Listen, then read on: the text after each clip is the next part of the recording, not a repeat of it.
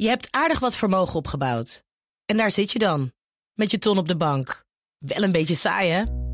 Wil jij, als belegger, onderdeel zijn van het verleden of van de toekomst?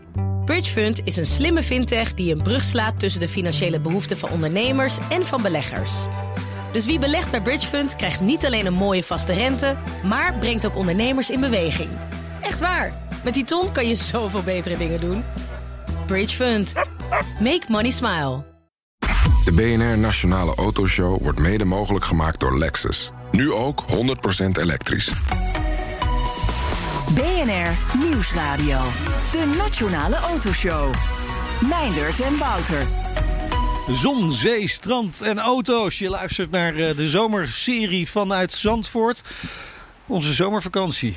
Wouter? Ja. Ik zat te denken, volgens mij kan je op Terschelling... mag je in de winter in ieder geval met je auto over het strand rijden. Laatst heeft iemand dat ergens anders ook geprobeerd. Dat waren toeristen in Nederland Ja, Maserati, die Maserati ja, op het strand geparkeerd. Je heeft geen vierwielaandrijving over het algemeen. Ja, is Echt, maar überhaupt niet leverbaar met vier. Waar, waar heb je dan... Waar is eh, Nee, maar dat Wat lijkt natuurlijk je? vrij hard. Nee, maar als je nog nooit bij een strand bent geweest en je komt gewoon aanvlammen met zijn Maserati, waap, waap, en dan oeh, st- strand. Nou, dan denk je, ja, keer daar wel even. Maar dat was niet zo'n goed idee.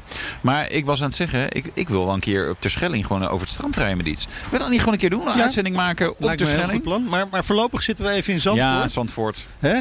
Op ons vaste plekje, onze vaste tafel inmiddels. hoek, in ja. de strandtent eh, Tijn Akersloot. Lig, zicht op de zee natuurlijk. En die eh, lichtblauwe klassieke 500, hè? de. Fiat. Ja, met eh, surfplankje bovenop. Leuk. Ja. Mooi uitzicht. Ja. Hè? Eh, Dit is, Nou- eh, Nout heeft speciaal de hashtag eh, Beachlife eh, We bedacht. moeten nog even wat gave foto's maken van onszelf. Zo, die In torso's, jongen, In onze speedo's. We hebben, ja, ja, geen zes cilinder, maar zes, zes packs. Mm. packs, ja. Oh, kijk, daar komt, daar komt de lunch. Wat fijn. Weer kroketten. Weer Nou, kroketten, ja. Maar één keer in de week, hè? Ja, dankjewel. Oeh, lekker. Heerlijk. Nou, het ziet er goed uit. Nou ja, we wachten nog even met eten, Wouter. Ja, want we moeten even naar de F-Type luisteren natuurlijk. Hè? Geen V6 meer, alleen nog een V8. Ja, dat- toch, toch geen, geen straf. Want die Nee, V6 nee, nee. die klonk wel heel goed. Ja, dat vond, ik- vond ik de- de- de- wel een leuke, leuke motor. Maar ja, weet je, op een gegeven moment dan, eh, wordt, wordt ingehaald door de milieueisen. En eh, ze hebben een nieuwe 6 in lijn, maar die past niet goed in de F-Type. Hmm. Dus, maar helaas. Ja, moeten ze hem groter maken. Eh, dat straks dus. Hè, de F-Type met een V8 motor. Eh, maar om te beginnen nog even terugkomen op ons interview met Bram Schot van vorige week. Maar hij was, hij was best wel duidelijk over autonoom rijden. Nou, ik denk dat dat, eh, ik denk dat, dat afkoelt. Ja. En ik denk dat je een eh, standaardisering gaat krijgen in de, in de, in de, in de assistentiesystemen in een auto. Ik denk dat je gestandaardiseerde technologie krijgt. En dat op termijn toeleveranciers waarschijnlijk eh, die standaardisering aan alle merken gaan leveren. Want je kunt je niet meer veroorloven verschillende elektronische architecturen te hebben. En uiteindelijk maakt dat voor de chauffeur in de toekomst ook niet zoveel meer uit. Weet je, maakt jou wat uit of het nou eh, een, een A, B of C technologie is. Het, moet gewoon, het ding moet het gewoon doen. En die investeringen, die miljarden die je daarvoor nodig hebt, die, eh, die, kunnen autobedrijven zich niet meer veroorloven of autofabrikanten. Dus je krijgt daar een standaardisering. En ik denk dat er een knip komt tussen ja, dat, je, dat je hulp hebt bij parkeren en hulp hebt eh, op, de, op de grote weg, waarbij je wel moet opletten, maar niet je stuur vast te houden. En, en dat het, het volledig autonoom rijden, dat, je dat, eh, dat wordt voorlopig nog wel eh, ver uitgesmeerd. Dat duurt nog eventjes. Ja, twijfels dus, eh, Wouter, eh, over dat autonoom rijden en de toekomst daarvan. Ben je het met hem eens? Ja. Als je ziet hoeveel... Ja, de devil is in de details. Hè? Dus gekke situaties waar je, bij- die je bijna niet kan voorzien. Die als mens sneller goed inschat. Eh, en de lat gaat gewoon hoger liggen voor een computer die de auto bestuurt. Hè, dus dat, dat, ja, dat gaat gewoon nog wel even duren. En we hebben natuurlijk gezien, een aantal jaar geleden was het... ja, nee, weet je, over twee, drie jaar, dan, dan, is het, dan is het echt zover. En nu zijn we drie jaar verder en is het nog niet zover. En zien we ook niet die grote stappen die, eh, die iedereen wel had eh, verwacht. Dus nee, ik denk dat het wel eh, een tijdje gaat duren. Hè. Nu ook coronacrisis eh eh eroverheen. Veel minder geld om dat te ontwikkelen. Eh, dus ja, dat gaat nog wel even duren. Nee, precies. Want die automerken moeten natuurlijk ook gewoon investeren in de verduurzaming van die auto's. En dat is denk ik wat urgenter issue dan het autonoom rijden. Ja, nou ja, je kunt natuurlijk wel zeggen, als je het voor elkaar krijgt, dan heb je natuurlijk wel goud in handen. Uh, want ja, dan, dan heb je zo'n argument om jouw auto uh, te, te verkopen. Ik zou het ook wel willen, een auto die gewoon echt mij uh, lekker heen en weer rijdt over de snelweg. Die snelwegritjes, zo interessant zijn ze niet. Um, en dat is ook wel een beetje de, de, de, les, de belofte die Tesla heeft gedaan. Hè? Dit jaar nog level 5 autonoom rijden. Ja, ja ik, wat denk jij? Ik, ik... Nee, ik geloof niet dat dat uh, nee. haalbaar... Ja, op de snelweg kom je een heel eind, hè? Ja, maar zelfs daar hè, zie je gekke afslagen. Ja. Uh, een vrachtwagen die pech heeft op de linkerbaan. Dat, en dat weet je, de, gaat toch gewoon dan mis. Ja. Um, dus nee, ik geloof er. Uh, nee, ik moest eraan denken, want ik heb ook nog in, uh, in het oosten van het land gezeten deze zomer. En dan moest ik 's ochtends vroeg naar BNR-koersen. Ja. Dat ritje, had ik ook best wel met mijn ogen dicht willen maken. dat is gewoon ja. één af. Ja, en dan op het laatste moment... Uh, die, ja, die zo'n belletje. Ja, van, uh, je moet even, je ja, oh, even de parkeergarage in. Ja. Dat zou wel lekker zijn. Maar goed, het stuur blijft dus voorlopig gewoon. Maar er gaat de komende jaren wel van alles veranderen in het interieur. En dat weet ook Han Hendricks van Jan Vong. Ja. Dat is de grootste auto-interieurproducent ter wereld. Ja, die weten dat echt, hè? Ja, uh, en die zijn Chinees, hè? Ja, behalve die... dan Han. Han. Hendricks. Nou ja, Han. Han zou nog kunnen. Chinees. Maar, ja, Han, eh, nou, laat maar. Uh, het bedrijf presenteerde onlangs het showmodel, de Experience in Motion 2021. Welk doel is het showmodel gemaakt? Nou, misschien kun je nog herinneren de vorige, het vorige showmodel. En we noemen het eigenlijk een Technology Demonstrator Vehicle. XIM20 hebben we eigenlijk laten zien wat onze lange termijn visie is. Hoe gaat het interieur van de toekomst eruit zien, echt meer op lange termijn. En dat is heel goed aangekomen bij, bij onze klanten, de, de BMW's, de, de Tesla's, de, de Fords van, van de wereld. Heeft veel prijzen gewonnen. Maar onze klanten vragen dan ook, um, wat kunnen we integreren in de volgende generatie auto's die we nu aan het ontwikkelen zijn en over twee, drie jaar op de markt komen. Nou, dat laten we zien met XIM 21. Alle innovaties, alle technologie die nieuw is, maar die is wel productierijp okay. en komt, uh, komt snel in, in productie. Ja, want XIM 20 kijkt 10 jaar vooruit, XIM 21 kijkt dan dus hoeveel, twee jaar vooruit, zei je? Nou ja, wat, we, wat, wat daar aan technologie in zit, dat uh, starten we nu zeg maar met onze klanten. Dat wil zeggen dat het over twee jaar in de auto's zit die op de markt komen. Oké, okay, maar verschillen XIM 20 en XIM 21 dan heel veel van elkaar? Eén cijfer.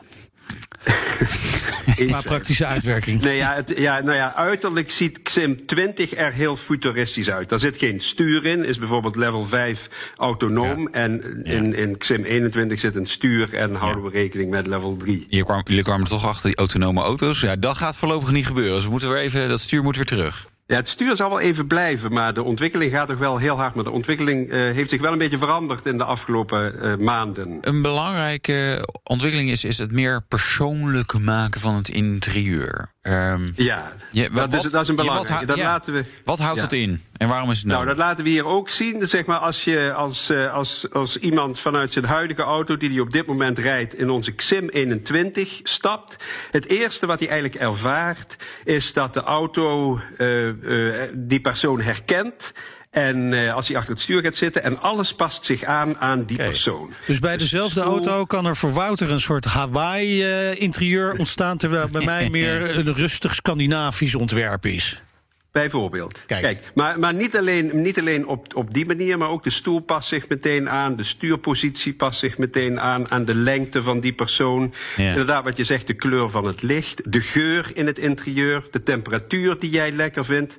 Maar ook de veiligheidssystemen ja. uh, passen zich aan. Alles uit. Um, op basis van de lengte en het gewicht van die persoon. Oh, nee, dat is weer wat anders. Uh, maar dat, dat is echt zeg maar, alles wat je elektronisch een beetje kan aanpassen. Het is niet zo dat je dan uh, uh, het personaliseren. Dus natuurlijk ook heel lang personaliseren was zeg maar andere stickers buiten op je auto. Dan zag het er anders uit. Dit is eigenlijk wat anders. Ja, dit is, wat, dit is elektronisch, zelfs de buitenkant. Uh, het zijn, het ziet, de auto ziet er, ziet er aan de buitenkant vrij normaal uit, maar er, ga, er komt licht door die uh, oppervlaktes, zeg maar, ook aan de buitenkant. Dus die nemen we ook mee. Maar het is inderdaad allemaal met digitale technologie en dat is ook heel belangrijk in onze strategie. Ja. Zeg maar, al die producten in het interieur, de stoelen, de oppervlaktes. Um, er komt steeds meer digitale technologie overal in dat interieur. Hadden we niet al genoeg, uh, hadden we niet al genoeg uh, elektronische chak in auto's? Nee? Ja. Ben ik helemaal met je eens. Ja. Maar ik denk dat de toepassingen die we hier laten zien, is dat het eigenlijk onzichtbaar blijft voor de gebruiker. Dat het die gewoon een beetje geholpen wordt. Maar dat het niet echt in your face is. Maar dat die Nee, maar wacht even. Wacht Gemakkelijk. even. We zien toch dat er steeds meer eh, schermen in auto's komen. Ik kan me voorstellen dat dat in dit interieur ook het geval is. Want je wil steeds meer informatie eh, tot je nemen. Ja, dat klopt. Als je, als je daarnaar kijkt, er zijn, maar er zijn bijna geen fysieke knoppen meer in Ah, het interieur. Er zijn wat meer schermen. Ehm, ook voor entertainment natuurlijk. Zeker eh, voor, de, voor de achterbank, voor mensen op de achterbank. Maar er zijn bijna geen knoppen meer. Eh, die bediening die is zeg maar onzichtbaar weggewerkt in de oppervlaktes. En het wordt zichtbaar als het nodig is. En er wordt inderdaad meer met displays gewerkt. Er zitten vijf displays in. Flinke displays. En er wordt natuurlijk ook steeds meer gedaan met voice-bediening Oh ja. en zelfs met bewegingen. Ja, ja voice-bediening werkt soms briljant en soms wat minder. En dat is een bruggetje voor mijn eigen vraag. Eh mijn en ik zijn al wat ouder. Eh, maar ik merk ook wel dat andere mensen ook wel het toch wel heel fijn vinden... dat er toch voor sommige dingen toch nog knoppen zijn. Ik had het, een voorbeeld, de, de interieur hebben jullie volgens mij niet zoveel mee te maken... maar- maar de Golf 8 heeft geen knop voor de recirculatie eh, zeg maar, van, je, van je airco. Dus dan, en die moet ik automatisch meten of het vuil is buiten. Maar we reden dus door ergens waar een bosbrandje of weet ik wat was. En dan moet je in de Navi zes keer klikken, rijden. Nou, dat werkt dus helemaal niet. Dus, dus je zegt ja, niet meer zoveel knoppen. Ik, ik denk dat er wel veel gebruikers zijn die liever wel nog wel wat knoppen hebben. Dus ga je daar da- dan niet te ver in? Ja, nou ja, dat, is ook een generatiekwestie. Ja, Mijn vader die wordt volgende maand 90 en die Ja. heeft eh, vijf jaar geleden een maand een iPhone gehad. Ja, En toen heeft hij hem weggedaan omdat hij echte knoppen wilde hebben. ja. Dus het is een beetje een generatiekwestie. Maar Ja. aan de andere kant, je hebt gelijk. Er zijn van die dingen, daar wil je meteen op schakelen. En dan wil je niet eerst een menu induiken en kijken waar die functie zit. Dat, dat klopt. Ja, ja, maar eh, je zou natuurlijk ook kunnen zeggen: oh, daar kan je een soort eh, digitale knoppenbalk waar al dingen eh, al meteen staan of zo. Weet je, we, mo- moeten moeten we naar dat soort oplossingen dan toe? Ja, precies. Die, de- ja, dat, dat wordt toch wel heel doordacht gedaan. De functies die je echt onmiddellijk nodig hebt, die moeten meteen toegankelijk zijn. En bijvoorbeeld die eh eh, gevarendriehoek, zeg maar de vier knipperlichten, die Ja. is zelfs wettelijk bepaald dat die meteen als knop zichtbaar moet zijn. Ja, ja dus daar, dat is de, in ieder geval de enige fysieke knop die we altijd zullen houden. Zolang die. eh, nou ja, regelen. voorlopig nog wel. Ja, Laten we nog even kijken naar wat eh, innovaties. Want jullie ga- gebruiken ook eh, OLED, OLED. voor die beeldschermen. dat is voor hele mooie kleuren. En zo, Ja, toch? precies. Maar ik kan me ook voorstellen dat het best een uitdaging is in die auto's. Oh. Ja, dat klopt. Nou, OLED is natuurlijk al langer voor televisies. Eh, geweldige technologie. Maar ehm, ja, dan zie je weer dat de, de eisen die worden gesteld aan diezelfde technologie als die in een auto belandt, veel, veel hoger zijn. Hè? Dat trilt en dat schudt. En dat moet het blijven doen. Daar staat zonlicht op. Het wordt heel warm in die auto. Het wordt koud. Ja. En, maar dat zit er nu wel aan te komen. Dat zit er, eh, daar zijn we bijna, dat we, ja, daar zijn we zeg maar nu voor klaar om de, de productieontwikkeling in te gaan. Zodat dat inderdaad over twee, drie jaar op de markt is. En dat is ook een ja, waarom is dat belangrijk, OLED? Nou ja, de kwaliteit is Ja. Voor jouw generatie niet meer zo belangrijk. Nee, met, eh, met mijn lezenbril op kan ik dat toch allemaal verschil zien kan meneer. Nee, dat is onzin. Maar nee, ik snap het wel. Maar, maar op zich denk ik heel vaak met schermen in auto's denk ik, nou, het is eigenlijk wel heel erg mooi al. Moet dat dan toch nog weer een stapje verder? Moet het allemaal? Nou ja, toch- Zo, mijn leeftijd. Jeetje, nou, ik ga zo even mijn pensioen checken of dat allemaal nog goed is. Nee. Eh, ja, wij beantwoorden deze vraag maar gewoon niet. Zullen we doorgaan met eh, Zero Gravity Seat? Oh ja. Wat is ja, dat? dat Dat, is- klinkt wel heel. Is dat eh, een soort schietstoel, zoals met James Bond? heb je ook. ja, je- je er is een moment dat je daar zero gravity hebt, inderdaad. Ja. Dat is wel waar, ja. ja. Dus, maar het is vast iets anders. Nou ja, dat is een, een hele speciale stoel eh, die heel veel comfort biedt. Eh, we hebben hem in deze auto op de achter, de, eh, zeg maar achter de voorstoelen geplaatst. Aan de rechterkant, dus achter de passagier. Wat in China nog een hele belangrijke positie is, omdat vaak de eigenaar van de auto in China, die zit rechtsachter. Ja. En die wordt gereden. Maar ook met autonoom in gedachten. Nou, Zero Gravity is een, een stoel die, eh, drie, waarvan de rugleuning 63 graden eh, plat klapt. En ook zeg maar de, de benen omhoog gaan. Waardoor je een positie krijgt die door de NASA is ontwikkeld voor de astronauten die naar de maan geschoten werden. Om zo weinig mogelijk druk te hebben. En om zo relaxed mogelijk te is zijn. het voor ons ook goed, denk ik, als het voor astronaut... Ah, eh, Oké, nee, maar dat is dus ook een houding waarin je echt heel erg lekker ligt. Maar je ligt wel een beetje opgetrokken met je benen dan, toch? Dat is een beetje zo... eh, Dat is ja, alleen een beetje, maar dat valt wel mee hoor. Ja. Valt wel mee. Ja, het is, eh, het is bijzonder comfortabel. Maar is het inderdaad echt vooral voor de bijrijders? Want ik kan me voorstellen dat het voor, de, voor degene die achter het stuur zit... eh, niet heel erg handig is als die zo relaxed gaat zitten. Nou, dan moet je weer een paar jaar vooruit denken als het een autonome auto is. En je hebt de volgende dag een afspraak in München of Ja, ja. op het einde van de dag. Dan, ga je, dan zet je je stoel in die stand en je zoeft over de Duitse autobaan. Eh, want dat gaat er toch aan zitten te komen. Het lijkt me heerlijk, maar ook niet goedkoop. Mm, ja, nou dat is een hele interessante. Die vraag krijgen we ook vaak. En dan praat je niet over productinnovatie, maar over business model innovatie. Ja. Hè? Wie betaalt dat? Precies. En uh, ja, we hadden het er laatst ook over. Is dat dan weer die autokoper die in de brochure duikt of op het internet gaat en alle vinkjes zet bij de opties die hij wil hebben?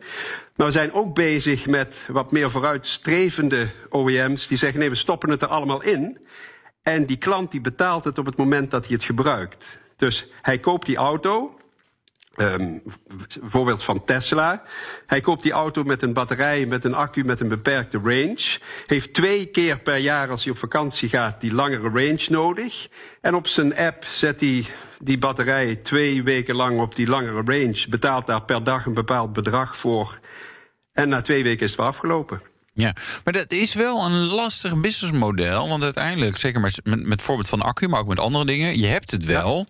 Ja. Uh, van heel veel dingen weet je ook gewoon van ja, dat gebruik je gewoon niet zo vaak. Maar nee. ja, je wilt het eigenlijk wel hebben. Dus ik lap die 2 of 10.000 euro maar extra. Ja, voor hoeveel kan ik het dan huren dat dat nog uit kan voor een autofabrikant? Dat lijkt me een ja. heel spannend, uh, spannend rekensommetje. Ja, dat is een heel spannend rekensommetje. En daar helpt natuurlijk de big data en, uh, en die ja, zeg maar big data analysis mee. Daar worden heel veel studies naar gedaan en pilots. We hebben op het moment ook een pilot in Shanghai. Waar we die, zero, die mas, een in een uh, soort Uber-dienst hebben aangeboden. Bij een twintigtal auto's zit die erin. Waarbij zeg maar, als je, die, als je die auto boekt, dan kun je aanklikken... ik wil die massagefunctie tijdens deze rit hebben. En uh, daar wordt ontzettend veel gebruik van gemaakt. Het kost een paar uh, yen extra. En je hebt dan die functie voor die rit. Ja. Dus we denken dat het ook in de, ja, in, de, in de sfeer terechtkomt van de auto's die je gaat kopen. Maar dan pay-per-use voor die extra opties. Ja. Het, het, is wel dat zijn maar... hele leuke use cases van. Ja. ja. ja. Uh, het showmodel is dus uh, recent gepresenteerd in China. Ja. Uh, zijn er ook al orders binnen? Zijn er fabrikanten die zeggen: ja, dit gaan we doen? Of delen ervan? Ja, dat, dat is al uh, begonnen. Ja, ik kan jammer genoeg geen namen noemen. We mogen daar eigenlijk pas over praten als het echt in productie is. Maar dat gaat, dat gaat super. Uh, het, het hele, uh, zeg maar, event wat we hadden georganiseerd... of wat we gepland hadden, hebben we natuurlijk aan moeten passen ja. aan corona. We, gaan er, we gaan er met kleine groepen naartoe, met kleine groepen klanten. Maar het, het effect is enorm. En de auto komt eind augustus naar, nee, naar Duitsland. Nou, dan kunnen we hem echt gaan bekijken. Ja, zeker. Nou, super. We zijn heel benieuwd. En wanneer, wanneer zien we dan de eerste zaken terug in productieauto's? Uh, nou ja, we hebben één uh, hele snelle uh, klant. um, en uh, die heeft al de eerste dingen in productie midden 21. Dus dat oh. gaat heel hard. Oké, okay, nou we zijn heel benieuwd. En welke, welke fabrikant was dat? Ja, dat, dat, mag dan niet gezegd worden. Hartelijk bedankt voor de sneak preview van vandaag. Foto's uh, staan op ons Twitter-adres. BNR Autoshow kun je het hele interieur van Jan Vong bekijken. Dit was Han Hendricks, Chief Technology Officer bij Jan Vong. De rijimpressie. Ja, lekker deze zomer is toch wel dat je ook de ruimte hebt op de wegen... Hè, om gewoon leuke auto's te testen, Wouter. En uh, Jaguar heeft de F-Type vernieuwd. Ja. You lucky bastard. Ja, iemand moest het doen, zeg ik ja. dan maar. De dikke R-versie heb je getest, hè? Precies. Oh, lekker hoor. Het stampt er weer lekker vandoor. En uh, nou, de kenners hebben natuurlijk al gehoord wat voor motorblok dit is. Het is inderdaad een 8-cilinder, een V8 om precies te zijn. We hebben niet echt meer andere achtcilindervormen. We hadden ooit bij Volkswagen de W8, maar volgens mij doen ze die niet meer. Is dan weer een andere uh, ja, formaat motorblok. Maar goed, daar gaat het nu eventjes niet om. Het gaat om uh, deze Beauty. Het is niet helemaal BNR geel, dat is dan weer jammer. Er zit iets van oranje in, maar wat een strakke lijn. Hè? Dit is de nieuwe Jaguar F-Type. En als ik zeg nieuw, dan bedoel ik natuurlijk een beetje gefacelift. Dat is niet echt helemaal hagelnieuw. Ehm, alle dimensies zijn eigenlijk hetzelfde. Qua eh, layout en motortechniek is eigenlijk ook alles hetzelfde. Behalve dat er iets verdwenen is. Maar goed, ehm, de Jaguar F-Type was nog steeds een beauty. En is met het nieuwe neusje, want dat is het belangrijkste eh, nieuws aan de buitenkant. Is het ook echt weer een waanzinnige auto. Eh, F-Type, ja, een beetje geïnspireerd natuurlijk op eh, de C en de D-Type en de E-Type uit het verleden eh, van Jaguar. Hè. Die mooie sportauto's, coupés, waarmee je zeg maar, lekker lange afstanden door blaffen. Wat ik natuurlijk nu ook weer eventjes probeer te doen. moeilijk in Nederland, hè. we mogen natuurlijk nergens meer een beetje doorrijden. Maar dat is natuurlijk ja, wel een stuk historie wat zo'n auto meeneemt. En ik denk dat de Jaguar F-Type wel een stukje eigen historie heeft gemaakt. Hè. Toen die werd gelanceerd, al ja, vriend en vijand positief verbaasd. Uh, gave looks, uh, gave technologie. Al leuk om te rijden. En dat is inmiddels acht jaar geleden inmiddels, 2012. is al best wel een tijdje. dit is dus een vernieuwde F-Type. Neus is echt heel anders. Ik moet er een beetje aan wennen af en toe. De, de, lampen zijn zeg maar in plaats van, ja, het is niet horizontaal verticaal, maar eh, ze zijn nu in de breedte van de auto in plaats van de lengte. Dus het, en die neus die oogt ook veel lager, wat agressiever. Nou, in combinatie met een knalgele kleur kijken mensen wel eventjes wat hier voorbij komt. Bovendien de Jaguar F-Type met een black pack. Dus alle nou ja, uh, badges, uh, type aanduiding, maar ook alle andere accenten zijn zwart en niet meer zilver. Dat is toch op zo'n kleur als dit toch ook wel erg lekker. Nou ja. Uh, motoren. Nou ja, daar is wel een grote wijziging. Want we hadden ooit een viercilinder, een V6 en een V8 in wat verschillende smaken. Die V6 is er voor buiten Europa nog wel, maar voor in Europa hebben we een kleine upgrade gekregen, namelijk twee cilinders erbij en een paar pk'tjes ook extra. Maar feitelijk ja, bestaat het gamma van de F-Type voor Europa dus uit een viercilinder, 2 liter groot, 300 pk. Eigenlijk voor de F-Type daarmee snel genoeg. Of dit soort geweld, een V8. En dit is nog de F-Type R, uh, maar er is ook een normale F-Type met een V8, die heeft dan 450 pk. Dit is de F-Type R 575 pk. Dat betekent sprint naar de 100, 3,8 seconden. De begrenzer moet eraan te pas komen om de F-Type weer af te remmen op 300 km per uur. Oftewel echt bloed en bloed snel. Ja, nieuwe F-Type. Ik, ik had hem toen gezien volgens mij in uh, Frankfurt. Vlak naast uh, de Defender die daar werd... De nieuw Defender die daar werd gepresenteerd.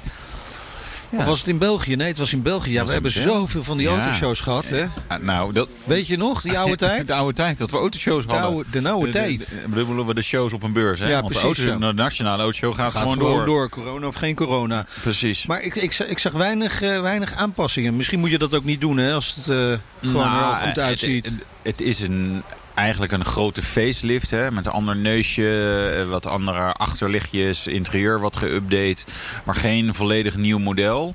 Ja, dat heeft natuurlijk te maken met verkoopaantallen. En hoeveel geld Jaguar heeft om zo'n auto te updaten. Um, maar goed, ik denk dat hij leuk genoeg is voor, voor nu. Uh, dat, hij, hij ziet er wel echt anders uit. En nou, daar, maar daar, maar doet het je twijfelen als het om de vraag gaat 911 of de F-Type? Ja, kijk, een mag 9, die vraag niet stellen? Ja, mag wel. 911 heeft het voordeel dat je er nog een achterbankje in zit. Dus dat je, is net iets praktische auto. Ja, ja is wel gewoon zo. Dan kan je, ja, je kinderen worden ook groter, Wouter. Ja, dat klopt. Ze kunnen nu, nog met z'n drieën kunnen we zeker met z'n vieren kan ook. Um, en de 911 is wel echt wel sportiever en technisch meer up-to-date. Ja. Aan de andere kant, een F-Type is in de landen om ons heen ook wel een klap voordeliger dan een 911. Kijk, bij ons ja. hebben we met CO2-tax en wat gare belastingdingen kruipt het wat dichter tegen elkaar aan. Maar het is eigenlijk wat meer uh, een Boxster Cayman concurrent bijna, ja, afhankelijk van de motorversie. Nou ja, en dan is het toch wel een, uh, een ruiger apparaat. Ja, en toch ook leuk om af en toe mee naar het circuit te nemen. Precies. En wat moet je dan ook hebben? Een race trailer. Ja, natuurlijk. ja, ja, heb jij al een race trailer? Nee, ik ook nog niet. Ja.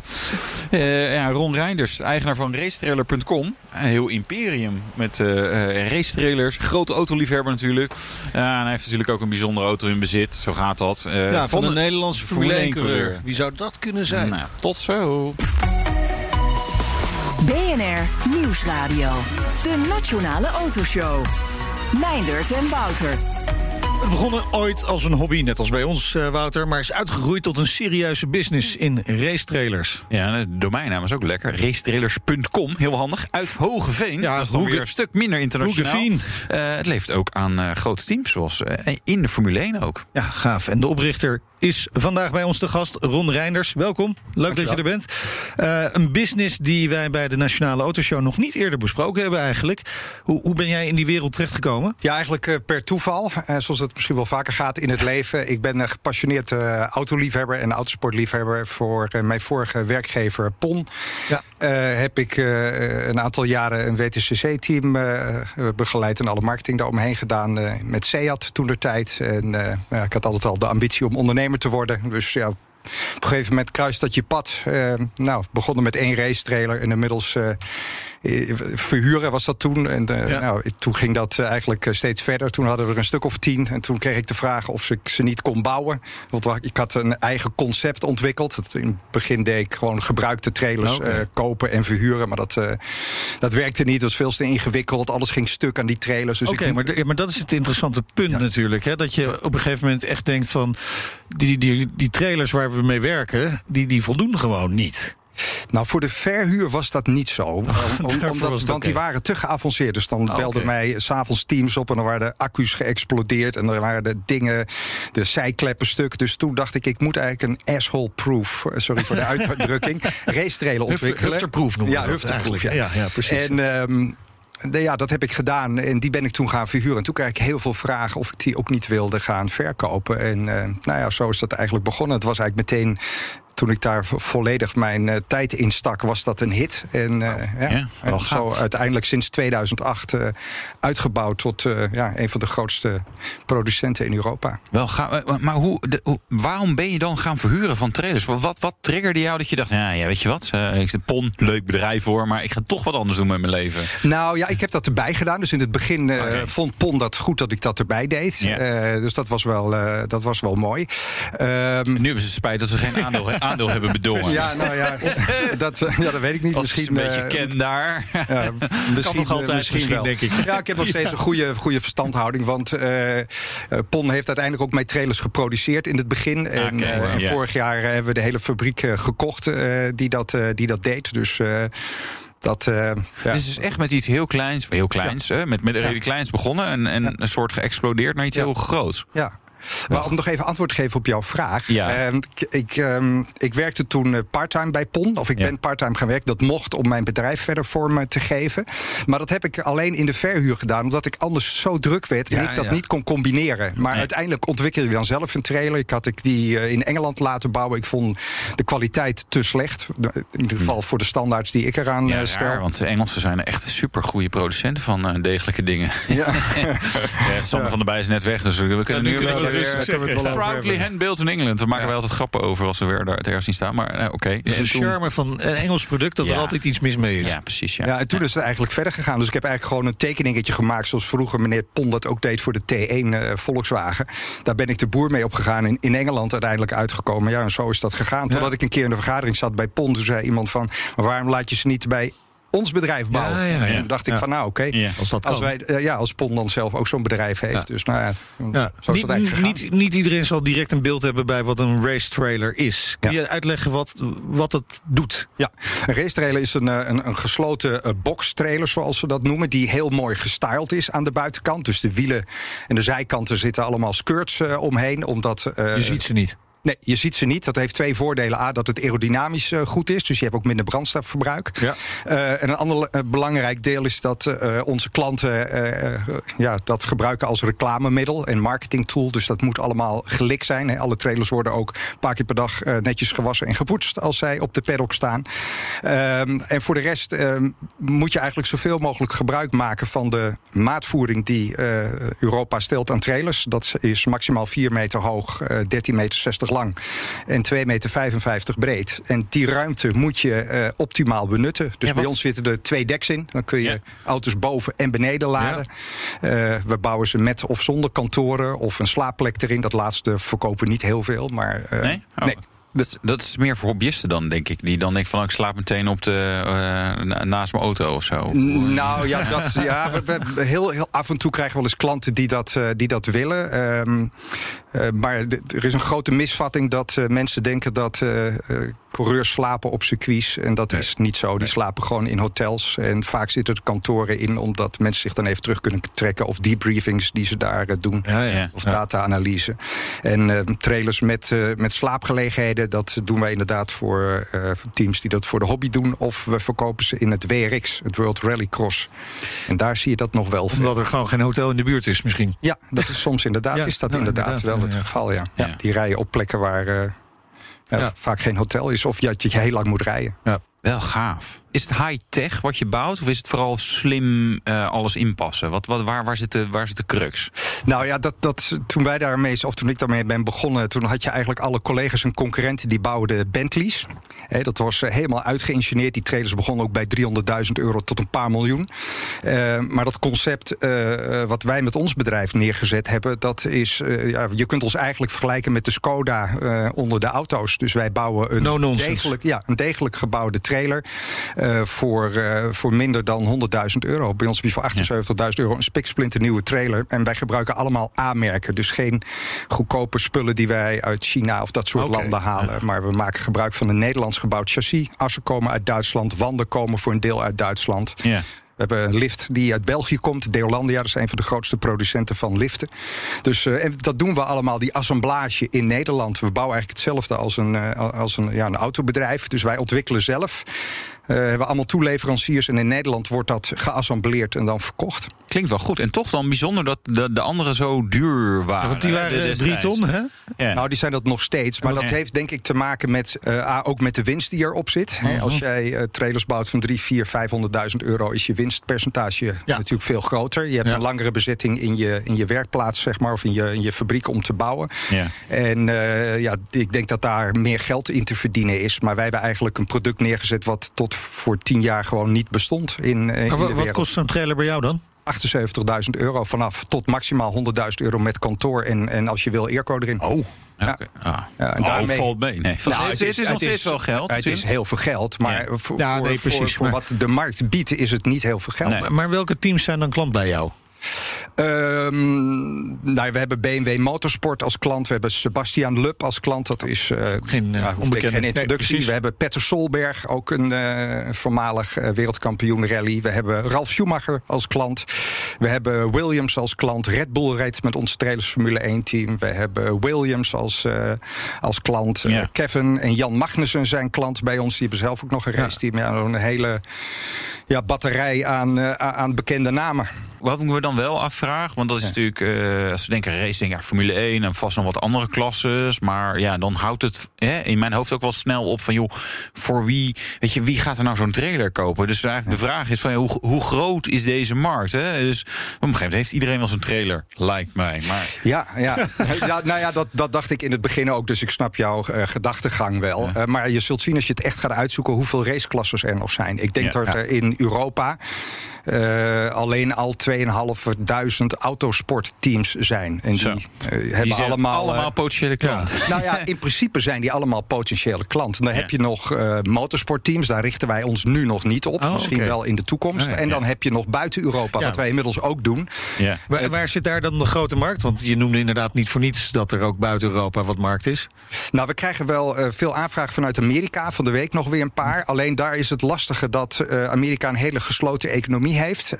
wij komen daar met onze transportmiddelen niet binden, eh, binnen. Zoals assen en zo mag niet. Dat moet je uit Amerika halen. Er zit hele hoge import op. Dus als je Maar echt- is dat, is dat eigenlijk sinds Trump of was dat daarvoor nee, dat ook wordt- al? nee, dat heeft niks met, Oh, met Trump oké. te maken. Dat was daarvoor ook al. Plus dat in Amerika de prijzen exorbitant hoog zijn voor race trailers. En, ehm, ja, maar ik krijg ze er gewoon niet in. Dus Maar als kun je dan niet wat daar wil- produceren dan Ja, ook? dat moet je dan gaan doen. Ja. Maar dan zou ik naar Amerika moeten Ja. Oh. emigreren. En dan, eh, dan met je hele gezin. en dan moet iemand hier de business eh, Ja, ja. verder blijven Ja. doen. Dus ik, en Hogeveen is ik doe dat nog maar even gezellig. niet. Blijf gewoon lekker Stay hier. in Hoogeveen. De pijlstok. Met welke auto ben je gekomen? Ehm, met een Q7 nu. Een Q7. Ja. Gewoon lekker rustig. Ja, het klinkt bijna verontschuldigend. Maar goed, eh, je kunt... nou ja, dat, dat is het ook wel een beetje. Ik had eh, eigenlijk in mijn hoofd om met een andere auto te komen. Maar vanochtend belde er nog een klant op voordat ik hier naartoe moest. Dus toen moest ik nog naar de zaak. Oh, ja. En eh, toen heb ik eh, mijn gewoon dagelijkse auto eh, Ja. meegenomen. Ja, Maar wat had je anders meegenomen? ja. Ehm, een Mercedes ehm, AMG GTS. Ah, kijk, lekker ook. Ja, Ja. toch ook fijn.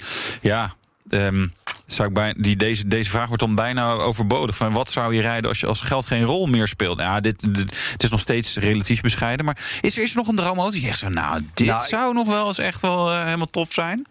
Ja, ik vind, ik vind auto's überhaupt leuk. Dus ik kijk ook veel naar andere auto's. En dan droom je altijd weg. Want de voorpret is de goedkoopste pret Ja. natuurlijk. Ehm, maar wat ik, goed- die ga ik onthouden. Die moeten we tegeltje bij mij.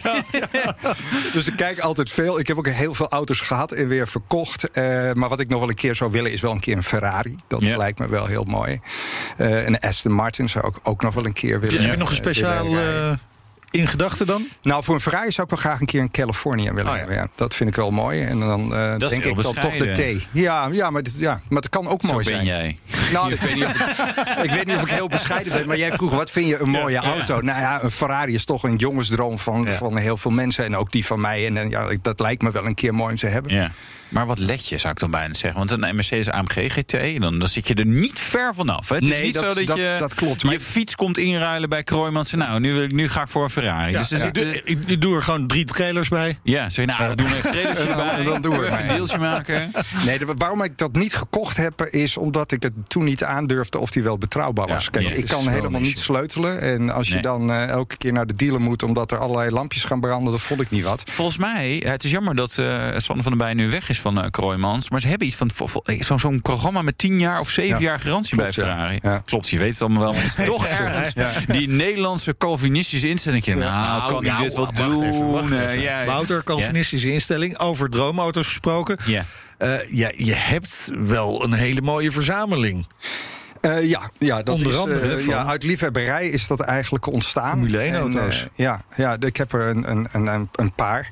En ook een, paar. paar. gehad. Dus af en toe, eh, ja, dat klinkt een beetje decadent, maar zo bedoel ik dat niet. Maar dat Nee, begint maar bij het één. Is ik had, Het is natuurlijk decadent, maar heel gaaf. Ik bedoel, Ja. de, de- ik, ik denk dat het, maar ook de meeste luisteraars die wel gunnen... omdat je heel enthousiast bent en gewoon nou, eh, doorpakt. Nee, ja, sorry, maar het ik, is ik vind het mooi. Ik, ik, ik heb er zelfs een stoel bij staan en dan kijk ik ernaar met een kop koffie en ik kan daar echt van genieten. Ik vind het zo mooi, vind ik het. Maar het is ooit begonnen bij, met een klant van mij. Dat was Toyota Motorsport. Het, overigens nog steeds een klant uit Keulen. Die toen het Formule 1 doen en nu het WEC. Ja. Het World Endurance eh, eh, Cup, zeg maar. Of Championship. En ehm, zij wisten dat ik heel erg van Formule 1 hield. En zij zeiden, nou, wij hebben voor jou wel een auto te leen. Echte auto. Nou, die eh, brachten ze. Dus die kreeg ik te leen voor in mijn showroom. Dat was Ja, natuurlijk mooi voor de aankleding. En ehm, nou ja, na een paar jaar zeiden ze tegen mij van... ja, we, we ruimen eigenlijk op en... ehm, je mag hem wel kopen. Toen zei ik, nou, daar heb ik geen geld voor. En toen zei ze, nou, daar heb je wel geld voor. En eh, nou ja, zo is eigenlijk de eerste auto gekomen. En toen heb ik Maar dat recent... was, dat was, die kreeg je toen echt een, echt een goede deal. Dat je denkt van, Ja. nou, dit kan ik niet laten schieten. Eh, nou, ik dacht er wel dat het een goede deal was. Het was nog een hele hoop geld, want je koopt er een hele mooie sportauto eh, ook voor. Het was een auto zonder motor, wel helemaal compleet, met geschiedenis, alles erop en eraan. En toen dacht ik, ja.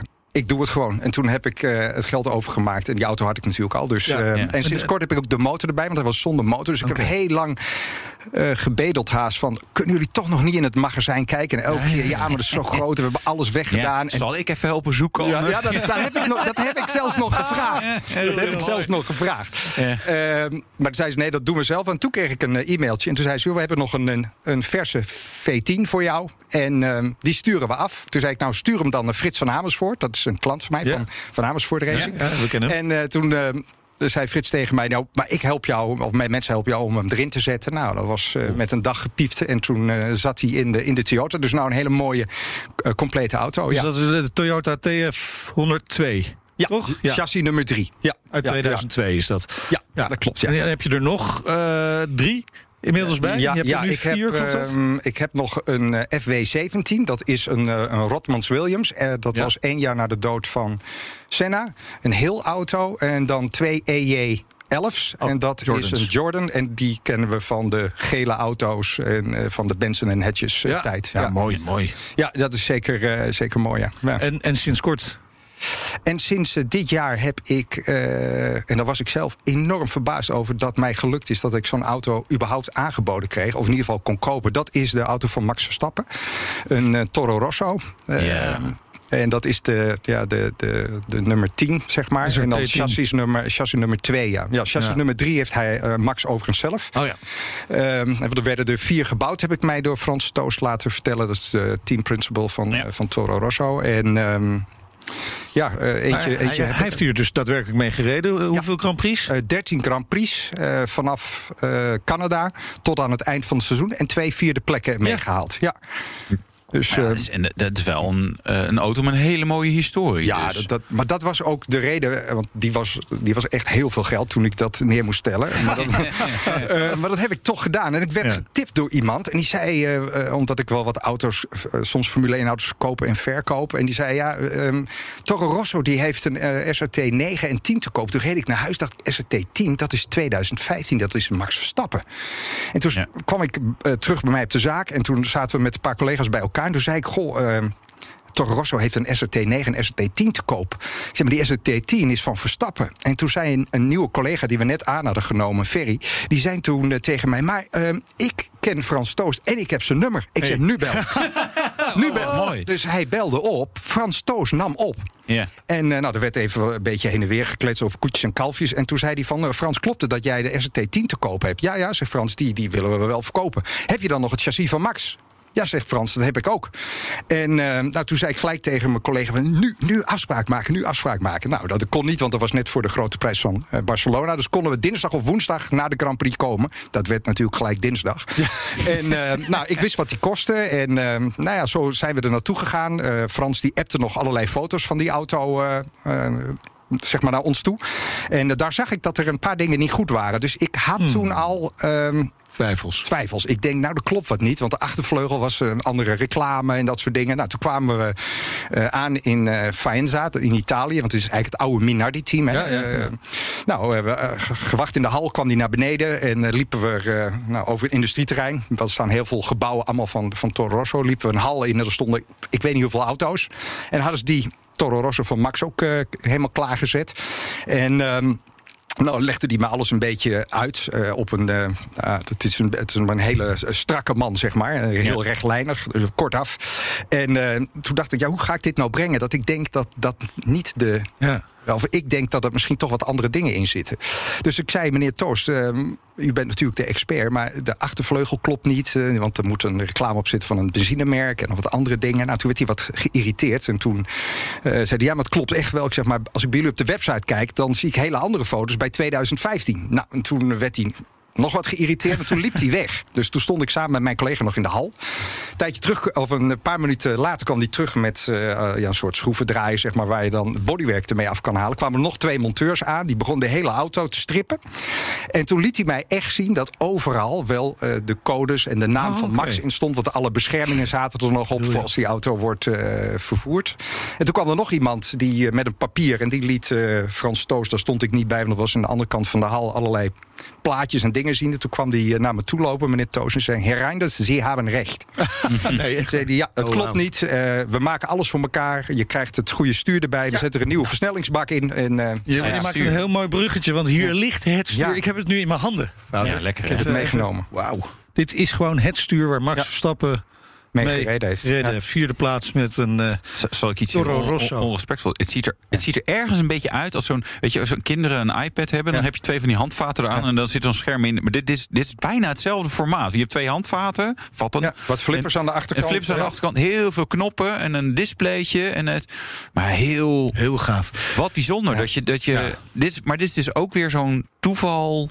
Ja, hier op, Ja. op terechtkomen. Ja, ja, ja, soms super. vind je de mooiste dingen bij toeval. Ja. Het grappige is dat eigenlijk in die auto zit nog heel veel belofte. Hè? Want Max is natuurlijk nog steeds geen wereldkampioen. Ja. En iedereen weet eigenlijk, nou, als hij een goede auto heeft, dan gaat het gebeuren.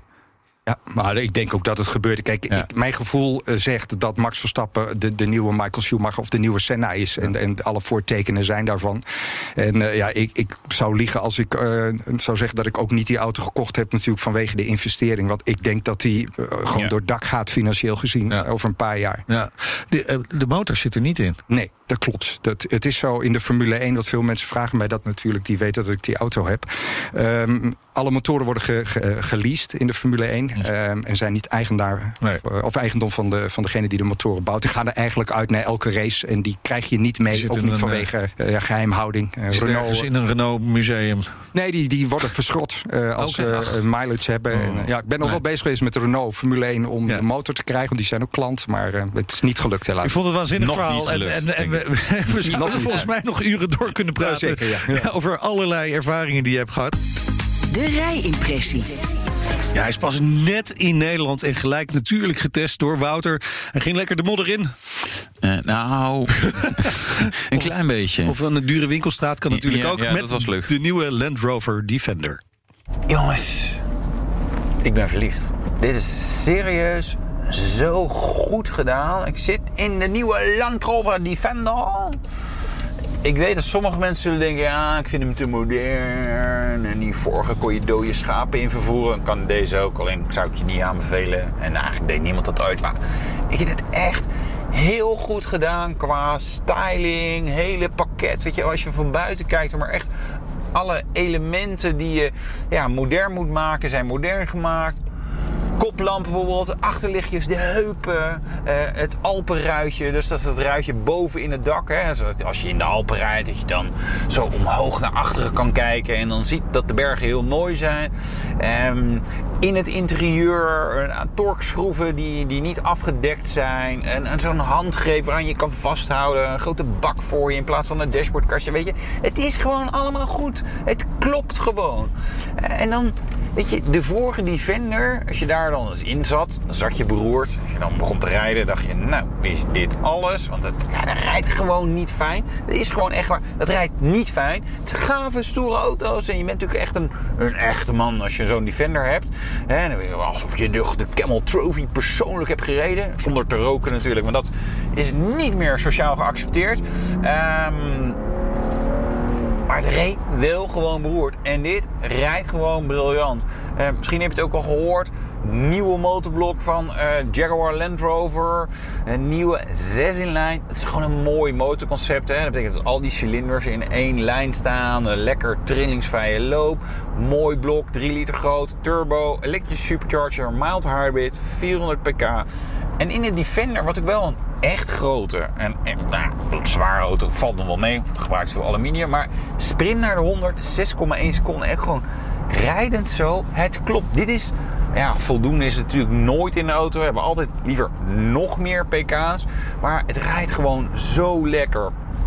En klinkt goed, eh, stuurt ja, best redelijk. Wel, het is letterlijk deze auto. Ik ben er even naast gaan staan. Toen dacht ik, nou, hij is ietsje kleiner dan dat ik ben. En dat bleek te kloppen, want ik kan in het navigatiesysteem kijken hoe hoog die is. 1,91 meter. Tenzij hem in de offroad stand zet, dan is die 1,96 meter. Namelijk exemplaar met luchtvering. Dan kan je nog ietsje hoger. En dan heeft hij grotere vrijloophoeken. En dan kan je door dieper water rijden. Eh, noem maar allemaal maar op. Offroaden. Eh, ja, kan die ook. Ehm 90 centimeter diep water, best diep. Hij heeft ook gewoon een tussenbak, dus gewoon nog twee versnellingen. eh, over automaat. Eh, hij heeft een differentieel op de achteras, een middendifferentieel. Eh, en niet zoals vroeger dat je helemaal stil moet staan en dan met de hand nog met een slinger dat aan moest zetten. Nee, dat werkt ook allemaal elektronisch. Het is gewoon echt goed gedaan. Echt goed gedaan dus. Maar je zit dus ook niet meer een beetje scheef achter het stuur? Nee, je zit gewoon recht. Over de geel gezien? Nee, eh, ja, gewoon een fantastische auto. Ja. Weet je, eh, ja, natuurlijk, de- hij is duur. En dat kan je als kritiek. eh, Maar ja, waanzinnig. eh, Nou ja, dit was de Nationale Autoshow. Terugluisteren kan via de site, de app, Apple Podcast of Spotify. Ja, eh, mijn naam is Wouter Karsen. En ik ben Meijnerd Schut. Tot volgende week weer. Doei. De BNR Nationale Autoshow wordt mede mogelijk gemaakt door Lexus. Nu ook 100% elektrisch. Je hebt aardig wat vermogen opgebouwd. En daar zit je dan, met je ton op de bank. Wel een beetje saai, hè? Wil jij, als belegger, onderdeel zijn van het verleden of van de toekomst? Bridgefund is een slimme fintech die een brug slaat tussen de financiële behoeften van ondernemers en van beleggers. Dus wie belegt bij Bridgefund krijgt niet alleen een mooie vaste rente, maar brengt ook ondernemers in beweging. Echt waar, met die ton kan je zoveel betere dingen doen. Bridgefund. Make money smile.